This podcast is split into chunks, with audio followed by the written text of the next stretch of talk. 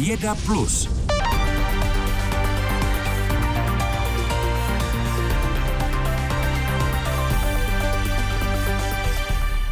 Robotické výrobní linky, rozšíření internetu věcí anebo ultrarychlé hraní počítačových her. Nejen to všechno umožňuje nová generace internetu známá jako 5G. Její rozmach však nebude tak rychlý jako u předchozí sítě čtvrté generace, která dostala internet i do těch nejmenších obcí. Jednoduše proto, že se to nevyplatí. Více teď poví redaktorka Eva Kézrová. Je to vlastně stejné jako s mobilními telefony. Když máte tlačítkový a chcete mobilem třeba platit, tak musíte investovat do chytrého přístroje. Ale když už ho máte, tak si dobře rozmyslíte, jestli se vám vyplatí koupit si nový jen proto, aby se data stahovala o něco rychleji. U sítě 5G není až tak velká motivace rychle provádět ten upgrade, protože ta síť 4G relativně dobře dneska vyhovuje řadě uživatelů, čili operátoři se v první fázi zaměří na velká města a na ty logistické areály, výrobní haly a podobně. Penetrace mobilními zařízeními podporujícími 5G je zatím velice malá. Přibližuje situaci docent Jiří Vodrážka, vedoucí katedry telekomunikační techniky Fakulty elektrotechnické ČVUT v Praze. A jak doplňuje jeho kolega Zbyněk Kocur, tak větší rozšíření a využívání rychlých 5G sítí není jen záležitostí nové infrastruktury.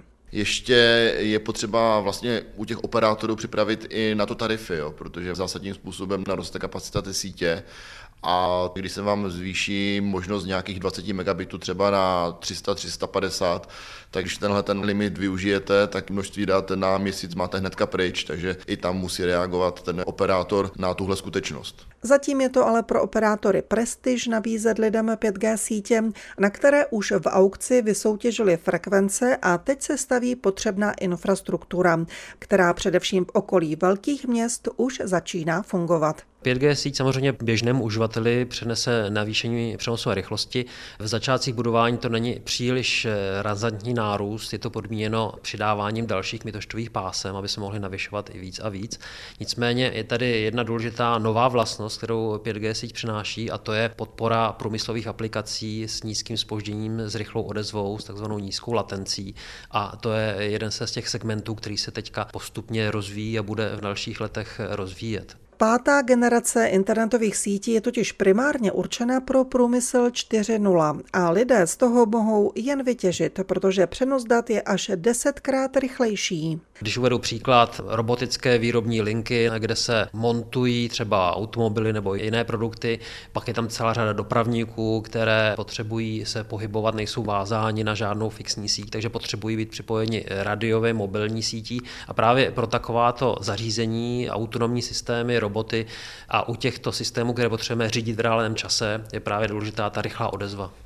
K tomu je ale potřeba upgradeovat, tedy vylepšit stávající internetovou síť, což je velmi nákladná záležitost a to nejen pro operátory. V té první variantě se bude updateovat ta radiová část a to jádro sítě, takzvaný mobilní core, zůstává stejný. Ten se bude měnit, protože celkově je to velká investice až v další fázi. No a ty logistické areály, výrobní haly musíme vybavit úplně novou infrastrukturou, novými vlastně mikrozákladovými stanicemi, které ty služby pro průmysl zajistí. Už teď se ale lidé mohou setkat s tím, že jejich Wi-Fi síť má v názvu označení 2G anebo 5G. To ale podle docenta Jiřího Vodrážky rozhodně neznamená připojení na super rychlý internet. S tím 5G se operuje různě a může mít i různý význam, protože Wi-Fi připojení se běžně provozuje jednak v pásmu 2,4 GHz, to je taková ta standardní klasická Wi-Fi, a pak v průběhu doby se přidalo pásmo 5 GHz, takže tím 5G je někdy označováno ve zkratce i to pásmo 5 GHz v rámci Wi-Fi sítě. Které nabízí lepší signál a přenosovou rychlost, ale horší dosah než Wi-Fi na poloviční frekvenci. Eva Kézrová, Český rozhlas Plus. Jak jsme slyšeli, výkonná internetová 5G síť je určená hlavně pro průmysl. Zároveň vytváří výborné podmínky pro rozšíření takzvaného internetu věcí. Tady je ale otázkou, jak dlouho to bude trvat. A právě o tom teď budeme mluvit s Davidem Slíškem, šéf-redaktorem serveru Lupa.cz. Hezké odpoledne přeji. Dobrý den. Já to teď asi e, velmi zjednoduším, ale internet věcí bude asi stručně řečeno síť třeba vozidel nebo domácích spotřebičů, které jsou vybaveny elektronikou, mohou vzájemně eh, komunikovat, propojit se, vyměňovat si data, my do toho nějak vstupujeme.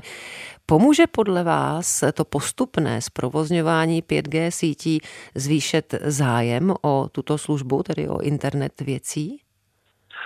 Hm, pomůže možná v tom smyslu, že eh, velcí operátoři, kteří provozují vlastně ty mobilní sítě a provozují i 5G sítě, eh, tak teď budou mít daleko větší zájem na tom, eh, aby právě hm, ty IoT, čili hm, vlastně to je anglická zkrata internetu věcí, tak aby ty IoT služby více nabízely a více vlastně lákali zákazníky, aby si je pořizovali, protože prostě v jejich sítích bude možné provozovat tato zařízení a je v jejich zájmu, aby sehnali co nejvíce zákazníků.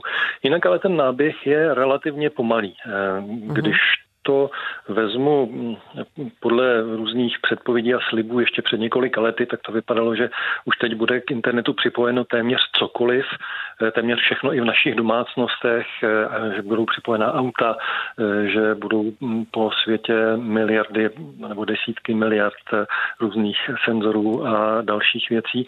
A to se Ale neděje? ta skutečnost mm-hmm. přichází mnohem později. A čím si to vysvětlujete? Čím si vysvětlujete ten pomalejší nástup? No tak ono se ukazuje, že vlastně celá řada těch řešení, eh, ke kterým se dají tato zařízení připojená k internetu nějak eh, využít, tak je eh, možné tyto věci dělat i bez těchto zařízení a je to zatím pořád ještě třeba levnější mhm. nebo je efektivnější. Takže opravdu ten nástup. IoT služeb je pomalejší a musí se vždycky hodně zvažovat, jestli opravdu se ta služba pro danou věc hodí nebo ne. Ještě k tomu, abychom si správně ten internet věcí mohli představit, většinou eh, to asi máme spojené s tím, že můžeme mobilem ovládat na dálku třeba pračku nebo topení. Toto jsou ta nejčastější využití v dnešní době, případně kde dál se s tím internetem věcí můžeme eh, nejčastěji setkat. Obecně vlastně do internetu věcí se dají zařadit, zařadit všechna zařízení, která jsou připojená k internetu. To znamená i ta pračka nebo lednička mýtická, eh, která se vždycky tak jako zmiňuje jako takový jako hmm. eh, jasný příklad, ale těch zase tak moc není. Eh, ale třeba i televize nebo jsou připojené tiskárny, zcela běžně. další věci. Hmm. Samozřejmě tiskárny, dětské chůličky a já nevím, co všechno ještě ostatní. Hmm. To je jedna věc, nebo to je jedna oblast, ta vlastně, která se týká uživatelů. Ale pak je opravdu eh, velká oblast eh, různých čidel, která eh, snímají všechno od různých já nevím, hodnot počasí, vlhkosti vzduchu a prostě všechno, co si skoro dovedete představit, tak to je další oblast. A pak jsou samozřejmě možné další pokročilejší stroje a aplikace. Vy jste v tom příspěvku třeba hovořili o možných nějakých automatizovaných provozech v továrnách stavbách, kde mohou být připojené nějaké roboty, taky vlastně přes mm-hmm. mobilní síť například eh, do nějakého řídícího centra. Mm-hmm. Ta rychlá a výkonná internetová síť je velice důležitá pro takzvaná chytrá města, kde internet věcí může monitorovat třeba obsazenost parkovišť nebo to, jak se plní sběrné nádoby umístěné pod úrovní ulice. Eh, jak k tomu, podle toho, co vy sám víte, přistupují obce? Vidí v internetu věcí budoucnost svého rozvoje? Tady proběhla celá řada různých pilotních projektů právě na třeba ty eh, jako šeststěným odpadem, eh, různé chytré lavičky a další eh, chytrá zařízení, v úvozovkách chytrá. Ale jak jsem říkal, musí se vždycky velmi pečlivě zvažovat, jestli opravdu ta funkce, kterou technologie přináší, jestli je opravdu jaksi potřebná, jestli se stejná věc nedá řešit jiným způsobem. Vím o různých experimentech právě třeba se svozovými nádobami. Tam se ukázalo, že je dobré dobré ten čip mít třeba v těch velkých nádobách, které jsou pod úrovní silnice, pod úrovní chodníku, protože tam se nemůže pořádně žádný pracovník podívat eh, na to, jak je ta nádoba mm-hmm. zaplněná, ale v normálních malých popelnicích se to prostě nevyplatí. Eh, ten náklad je příliš drahý na to, aby eh, to vlastně přinášelo nějakou zásadní výhodu. Takže je to vždycky prostě otázka toho posoudit, jestli opravdu ta technologie má nějaký přínos a jestli vyváží prostě ten náklad, který na ní samozřejmě je. A hraje v té opatrnosti vůči internetu věcí o, i třeba roli obava z kybernetických útoků? Přeci jen poskytujeme neuvěřitelné množství eh, dat eh, těm poskytovatelům této služby. Někdo se možná hmm. může do těch systémů nabourat, zneužít je? To je samozřejmě možný problém. Jak jsem zmiňoval třeba ty dětské chůvičky, tak to bývá opravdu docela vážný problém, protože jsou vlastně jednoduchá zařízení a jejich výrobci dost často moc na bezpečnost eh, nedbají a taková dětská chůvička pak může přenášet obraz třeba i nebo, nebo prostě zvuk někde ze soukromého bytu, z dětského pokoje někam prostě eh, na internet a může se k tomu dostat někdo jiný. Takových, eh, takových případů je celá řada.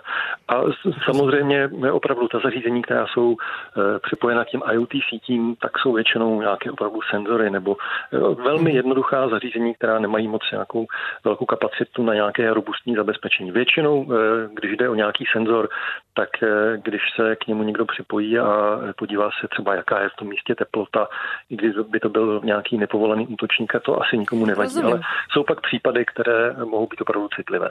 Říká David Slížek, šéf redaktor webu Lupa.cz. Díky za váš příspěvek a mějte se hezky naslyšenou. Naschledanou. Posloucháte Vědu Plus. Denní souhrn nejzajímavějších událostí ve vědě. Každý všední den po půl šesté odpoledne na Plusu. Na Plzeňsko se vrátili ekologové. Z vesnic okolo spalovny odpadů v Chotíkově si znovu odvezli vejce, hlínu nebo jehličí. Před rokem v nich totiž naměřili nadlimitní množství dioxinů a jiných škodlivých látek. Teď měření opakují. Za výzkumem stojí ekologická organizace Zero Waste Europe, která usiluje o další využití odpadu bez spalování. Jak se dozvěděl reportér Lukáš Milota, cílem projektu je zjistit, zda a případně jak moc se v okolí čtyř spaloven v Česku, Litvě, Španělsku a Francii vyskytují nebezpečné látky a následně hledat jejich zdroj. Tak já si odeberu vzorek té půdy, kde oni běhají. Ivo Kropáček z Hnutí Duha, které u nás vzorky odebírá, právě vstupuje do slepičího výběhu v Radčicích. Cirka po roce jsme se vrátili na ta stejná místa, znovu odebíráme ty stejná vajíčka, tu samou potravu i vlastně eh, tu půdu z toho výběhu. Proč? Aby jsme zjistili, jestli to nejde o nějaký třeba exces, nějakou výjimku, abychom mohli prostě v rámci toho času třeba zjistit, jestli se to jako něco nemění a podobně. Holky, šup, šup, šup, šup, šup, šup. A ještě ty valička vám dám, že jo? Jo, vlastně. Já mám připravený, že včerejška. Na ně bych mám zapomněl, ano, děkuji. Pan Pavel, který ke svým slepicím výzkumníky pustil, vysvětluje, proč se do projektu zapojil. Chtěl jsem vědět, co tam je. Stejně ty vejce jim, tak aspoň vím, co jim.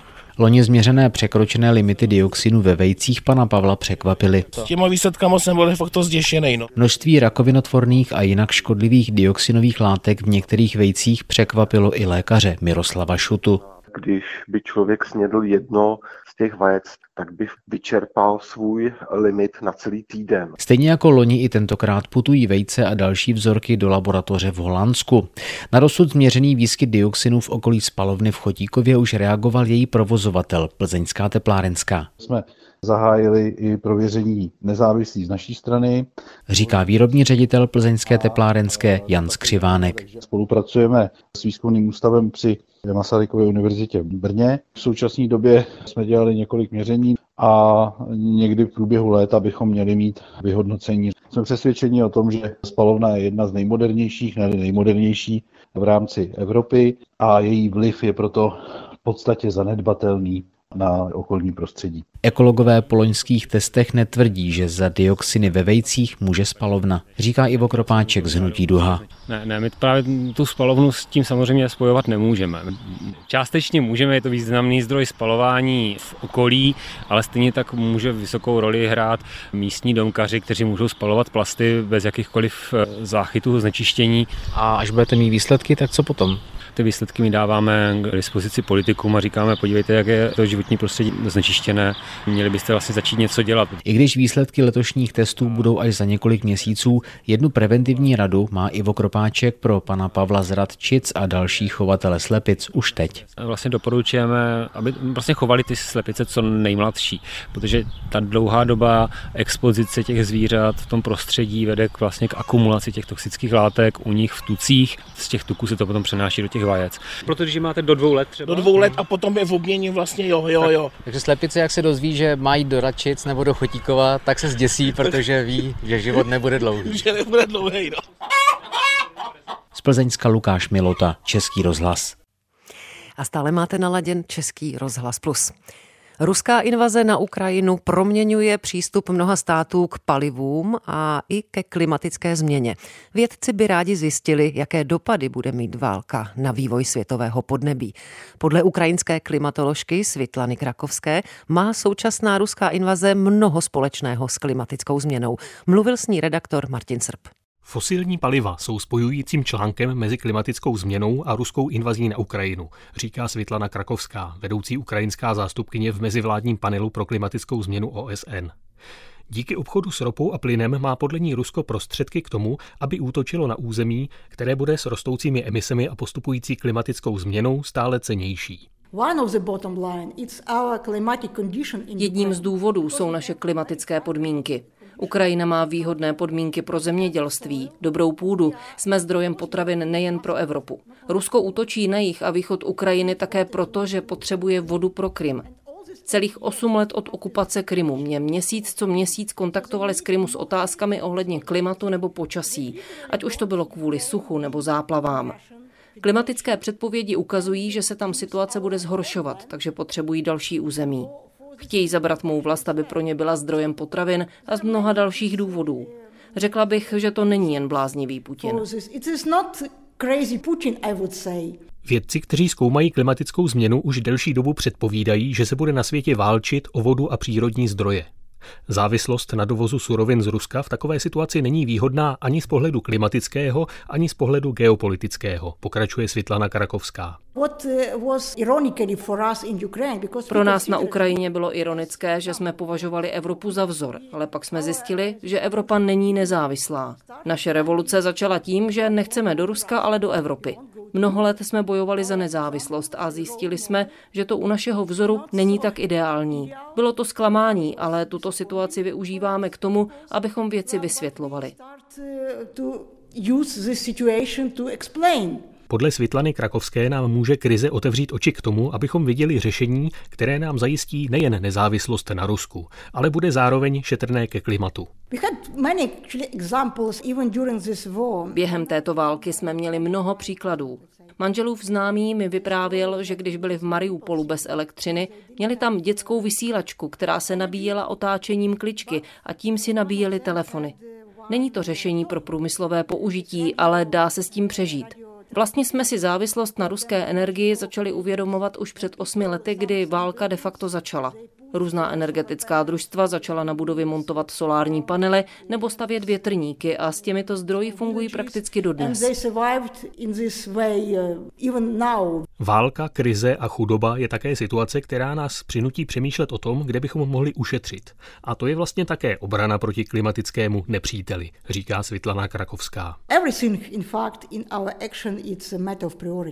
Cokoliv děláme je otázkou priorit. Zpráva IPCC uvádí, že polovinu energie můžeme ušetřit tím, že snížíme spotřebu. Když lidé nebudou tolik cestovat letadlem nebo autem, budou jezdit hromadnou dopravou a další. Je to otázka priorit, nejen v energetické bezpečnosti, ale i v tom, čeho si v životě ceníme. Z Ukrajiny uprchlo mnoho lidí, matek s dětmi jen s jedním příručním zavazadlem, dítě za ruku a všechno, čeho si cenili, se jim vešlo na záda do batohu. Važme si života, nepohodlí. Pohodlí můžeme obětovat ve chvíli, kdy jde o život. A o život jde v dlouhodobém pohledu i v klimatické změně. Světlana Krakovská dodává, že cesta k nezávislosti na fosilních palivech nebude rychlá, ale krok za krokem je možné ji uskutečnit. Martin Srb, Český rozhlas Plus. A v dalších minutách v podstatě navážeme. Podílí se na počtu lidských úmrtí více než malárie, dopravní nehody anebo drogy. Řeč je o znečištění životního prostředí, které má podle odhadů vědců významný podíl na každé šesté smrti. Nejen lidi, ale také zvířata ohrožují nebezpečné látky, které se přitom vyskytují ve vzduchu, vodě i v půdě. A více nám teď o výzkumu řekne Jakub Lucký ze zahraniční redakce. Pěkný den. Dobrý den. Jakube, jaká znečištění nás tedy nejvíce ohrožují? Eh, nejvážnější je podle vědecké analýzy znečištění vzduchu. Eh, to se prý podílí až na 75% všech úmrtích. Souhrně tedy eh, ze všech těch druhů znečištění je to ročně 9 milionů lidí. Druhým vážným problémem jsou nebezpečné chemikálie, zejména olovo. To podle tedy dat zabije asi 900 tisíc lidí ročně a u spousty dalších má vážný vliv na mozek. Ona otrava olovem totiž eh, vážně ovlivňuje třeba inteligenci. Olovo podle vědců pochází buď ze starých olověných trubek, eh, z nějakých barev, eh, z nesprávně recyklovaných autobaterií, anebo z kontaminovaných potravin. Třeba ve Spojených státech je častým zdrojem otravy olovem kurkuma, tam jí podle části vědců, kteří to tedy analyzovali, eh, možná někdo přidává umyslně, protože jednak má tu správnou barvu, takovou zářivou, jako má mhm. kurkuma, ale také kvůli váze, protože olovo je samozřejmě těžké a potom se to lépe prodává. Hmm. Jakube, a změnila se nějak situace v tomto směru v posledních letech? Když se podíváme na posledních pět let, eh, během těch pěti let tedy nevyšla žádná nová zpráva. Před pěti lety vyšla podobná globální analýza, obě v odborném časopise Lancet, tak tam změna příliš velká není. Mírně klesá podíl znečištění vody, protože eh, roste snaha tedy zajistit pitnou vodu v eh, různých rozvojových regionech. Naopak eh, roste podíl znečištěného vzduchu, je to spalováním fosilních paliv, ale taky vypalováním polí. Například v Indii jde o velký problém. No a když už mluvíme o Indii, tak většina úmrtí na znečištění se děje právě v nízkopříjmových nebo rozvojových zemích. Rozvinuté země totiž mají přísnější normy a kontroly. I tak se ale znečištění šíří po světě, protože rozvojové země eh, jsou zdrojem různého zboží nebo třeba potravin, které se potom dovážejí. Jakube, a jaká řešení tedy vědci navrhují? Eh, hlavní roli podle nich musí hrát vlády, oni by si představovali nějaká přísnější opatření, přísné normy.